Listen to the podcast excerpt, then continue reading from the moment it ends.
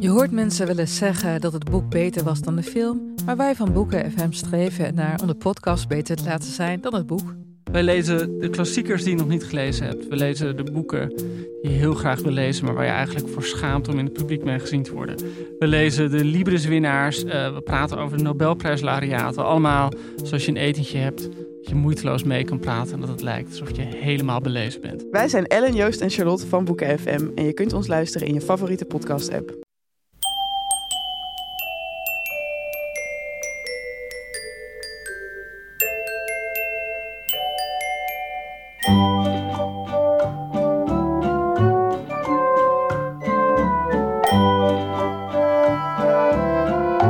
Welkom bij aflevering 343 van Echt Gebeurd, de podcast waarin mensen hun eigen waargebeurde verhalen vertellen. In deze aflevering een verhaal dat Thijs van Litsenburg afgelopen zondag bij ons vertelde tijdens een verhalenmiddag met als thema Ouders.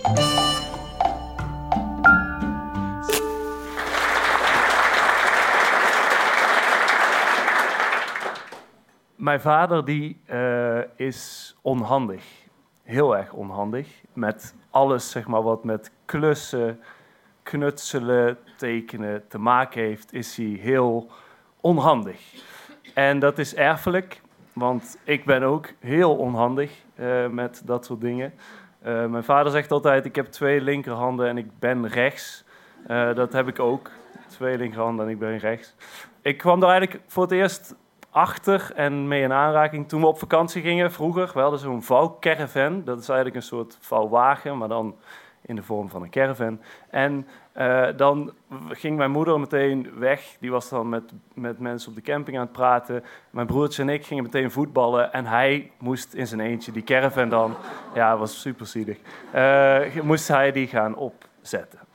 Um, en dan, ik zag dat dan, dat die man daarmee bezig was. En dan was hij zo de linkerkant, die stond dan recht. En dan rende hij snel naar de rechterkant. En terwijl hij die dan recht zette, viel die linkerkant weer in elkaar.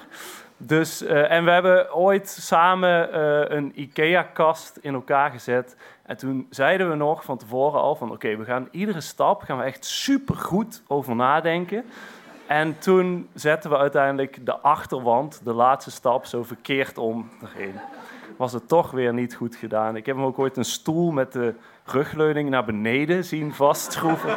Weet je, eh, het, is gewoon, het gaat altijd mis. Klussen, dat gaat gewoon mis. Um, nou zat ik op de middelbare school. Uh, ik was uh, 15, uh, ik zat in de derde en dan krijg je het vak natuurscheikunde. En toen hadden we een practicum en toen moesten we samen in tweetallen moesten we, uh, een blijde maken. In, in, in het klein. En een blijde, dat is eigenlijk een soort katapult met een contragewicht. Dus ik weet niet hoe een katapult werkt, maar die schiet gewoon een steen door iets. Door iets. En een blijde is dan dat er echt een contragewicht hangt aan de ene kant. En dan wordt er een touwtje doorgeknipt, waardoor dat contragewicht dus naar beneden valt. En de andere kant gaat die arm zo, hup, die schiet dan iets weg. Nou, dat moesten wij maken. En dat moest in tweetallen. En ik deed dat samen met een vriend van mij, Govert. En die is wel handig. Uh, die kan allemaal aan motoren schroeven en weet ik wat. Superhandige gast. ja, echt. En uh, die, uh, die zei, ja, ik maak wel het onderstel van de blijde. En dan moet jij nog alleen dat uh, mechanisme maken. Ik zei, nou, is goed. Dus hij zaagt zo vier plankjes tegen elkaar. Gewoon goed, stevig. En dat was dan dat. En ik uh, moest dat ding dan mee naar huis en dan moest ik de rest doen. Maar ja, ik dacht, ja, weet je, ik ben super onhandig. Ik kan dit niet. En uh, dan ga je als 15-jarige jongen ga je naar je vader om te vragen om hulp. Ik uh, legde uh, mijn vader die opdracht uit en hij was vereerd ook. Want ja, uh, ja, ik deed VWO en hij zei altijd, maakte hij ook een soort grap van... ik heb MAVO gedaan en eh, jullie zijn allemaal slimmer. dat zei hij dan tegen ons als kinderen, drie VWO'ers. Dus hij was ook vereerd. Dus hij, en hij is op zich hij is wel goed in improviseren. Dus hij zei, oké, we gaan wel iets bedenken. Dus wij in de keuken, hij had een pollepel gepakt... En uh, met een boormachine had hij zo'n gat dan geboord in, um, in dat ding. En eh, die pollepel erin en dat helemaal vastgemaakt met elastieken. En we hadden vroeger hadden we ook een hele grote eh, doos met eh, knikkers. En die hadden we dus in een zak gedaan als contragewicht. Want knikkers, als je die veel hebt, dan heb je, is dat best zwaar. En ehm, dat, ja, uiteindelijk alles zo'n beetje, wel houtje touwtje, maar op zich aan elkaar gemaakt. En daar stond een blijde. En ik weet nog dat de eerste keer dat we dat ding, dat we dus die zak knikkers lieten vallen. En dat die knikker door de keuken vloog, dus het werkte, ontstond er een soort extase. Ook, ook bij mijn broertje, zeg maar, die zat in de triptrapstoel te kijken. En die zat echt zo van, oh, dit is echt goed. Uh, dus er was echt, echt trots in, de, in onze familie. Ja, echt. Het is ook, hij heeft ook, dat is de, de volgende dag is ook de enige uh, dag ooit geweest in mijn middelbare schooltijd dat hij mij naar school heeft gebracht met de auto, omdat hij heel graag wilde dat dat ding niet op de fiets kapot zou gaan of zo. Dus dat dat heel huids op school terecht zou komen. Um, nou, fantastisch. Uh, dan duurt het even voordat uh, zo'n ding dan beoordeeld wordt. En dan, hoor je, dan krijg je uiteindelijk dus daar een punt voor. En nou, die leraar ging zo die lijst af met de punten. Hij kwam bij ons. Ja, Govert en Thijs, een vier. ja, ik, dacht, ik dacht ook van... Ik vond het ook onterecht, maar die leraar... Ja, ik was ook niet de liefste in die tijd. Dus, en Govert zeker ook niet. Dus we hadden, we hadden denk ik... Had een beetje de pik op ons. In ieder geval kreeg een vier. Maar ja, daarna uh, moest ik dat dus aan mijn vader gaan vertellen. En het was eigenlijk meer zijn project dan mijn project. Dus uh, ik zei, ik, ik kwam thuis. Ik kon het gewoon, ik dacht, ja, ik kan dit, ik kan dit niet zeggen tegen die man. Ik vond hij was zo trots en ik vond het ook onterecht. Dus ik dacht, wat, weet je, leugentje om best wil, dat is niet zo erg. Dus ik zo, pap, ik heb vandaag het punt teruggekregen voor die blijde. En we hebben hem zeven gehaald, man. Zeven. En hij was ook blij, hij was trots, jongen. Hij zei, zeven op VWO, jongen. Yes, zeven op VWO. Dus hij... Dus, hij daarna ook op elk familiefeest... Ik heb een zeven op VWO. Een zeven, een zeven. En ik zat alleen maar, ik dacht zo, ja, weet je, prima, laat hem pronken. Daar komt hij toch nooit achter. Um, toen uh, was het het einde van de periode en dan krijg je rapporten. En ik was heel slecht in uh, natuur en scheikunde. Dus ik had uh, hele slechte punten gehaald. Dus mijn laagste punt van mijn hele rapport was natuur en scheikunde, gemiddeld een 4 of zo. En um, daarna op de middelbare school krijg je dus oudergesprekken. En dan mogen eh, je ouders dus ook mee naar school en dan ga je met de mentor praten. En vaak, je mocht dan vaak voor twee vakken, en vaak het vak waar je dan het slechtste voor had gepresteerd. Laat dat dus net natuur en scheikunde zijn. Dus wij, uh, mijn moeder, mijn vader en ik, naar die school. En eigenlijk maakte ik me nog steeds geen zorgen, want ik dacht, ja, weet je, welke leraar gaat nou echt elk punt los nog even benoemen op zo'n oudergesprek.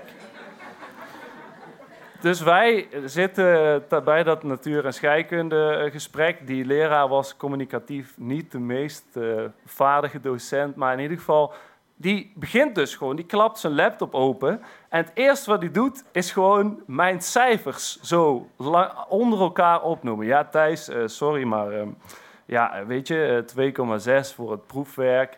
Uh, een 3 uh, voor de SO, een 5 voor dit.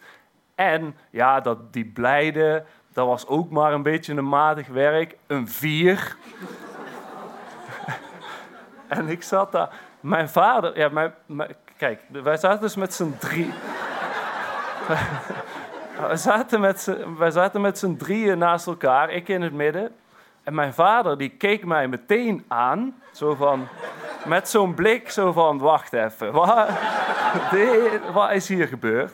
Ik kon wel door de grond zakken, dus ik zat daar eigenlijk alleen maar heel hard te proberen mijn lach van de spanning in te houden. En mijn moeder en de natuurscheikunde docent, die hadden allebei geen idee wat er speelde. Mijn moeder dacht alleen maar, wat de fuck zijn die twee ineens raar aan het doen?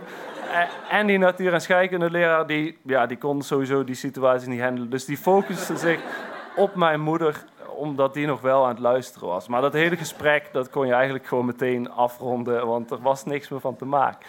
Nou, toen liepen wij dus uh, naar buiten. En ehm, nou ja, we zaten onze lachen al heel de tijd in te houden. Ik met een rode kop ook. En uh, ik, uh, ik, ik liep dus naar buiten. En toen heeft hij, zei mijn vader als eerste woorden tegen mij, ik weet dat ook nog, zei hij, what the fuck?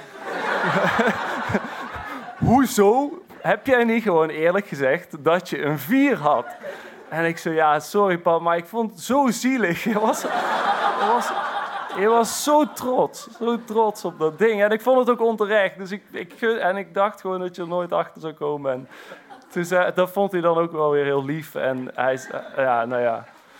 Uiteindelijk is het allemaal toch ook nog wel heel erg goed gekomen. Uh, ook met, uh, met mijn vader. Want hij heeft, ja, hij heeft voor zijn nieuwe functie in het ziekenhuis... heeft hij een universitaire opleiding afgerond, cum. Nou.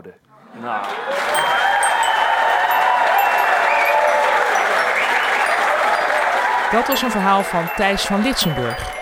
Thijs heeft ook een eigen podcast, die heet Het Compliment. En in die podcast probeert hij een positief tegengeluid te geven aan wat hij onze klaagcultuur noemt.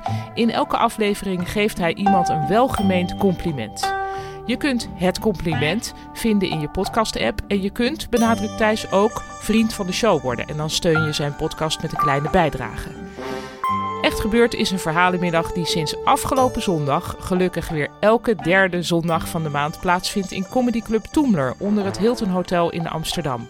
Voor de editie van 20 maart zijn we nog op zoek naar verhalen rond het thema gevaar. En voor 17 april zoeken we verhalen over de liefde. En op 15 mei is het thema te water. Onze redactie bestaat uit Micha Wertheim, Maarten Westerveen, Bijke Aarts, Rosa van Toledo en mijzelf, Paulien Cornelissen. Onze zakelijk leider is Hanna Ebbingen. De zaaltechniek was in handen van Florian Jankowski en onze podcast wordt gemaakt door Gijsbert van der Wal. Dit was aflevering 343. Bedankt voor het luisteren en denk eraan, ook met twee linkerhanden ben jij een zeven waard.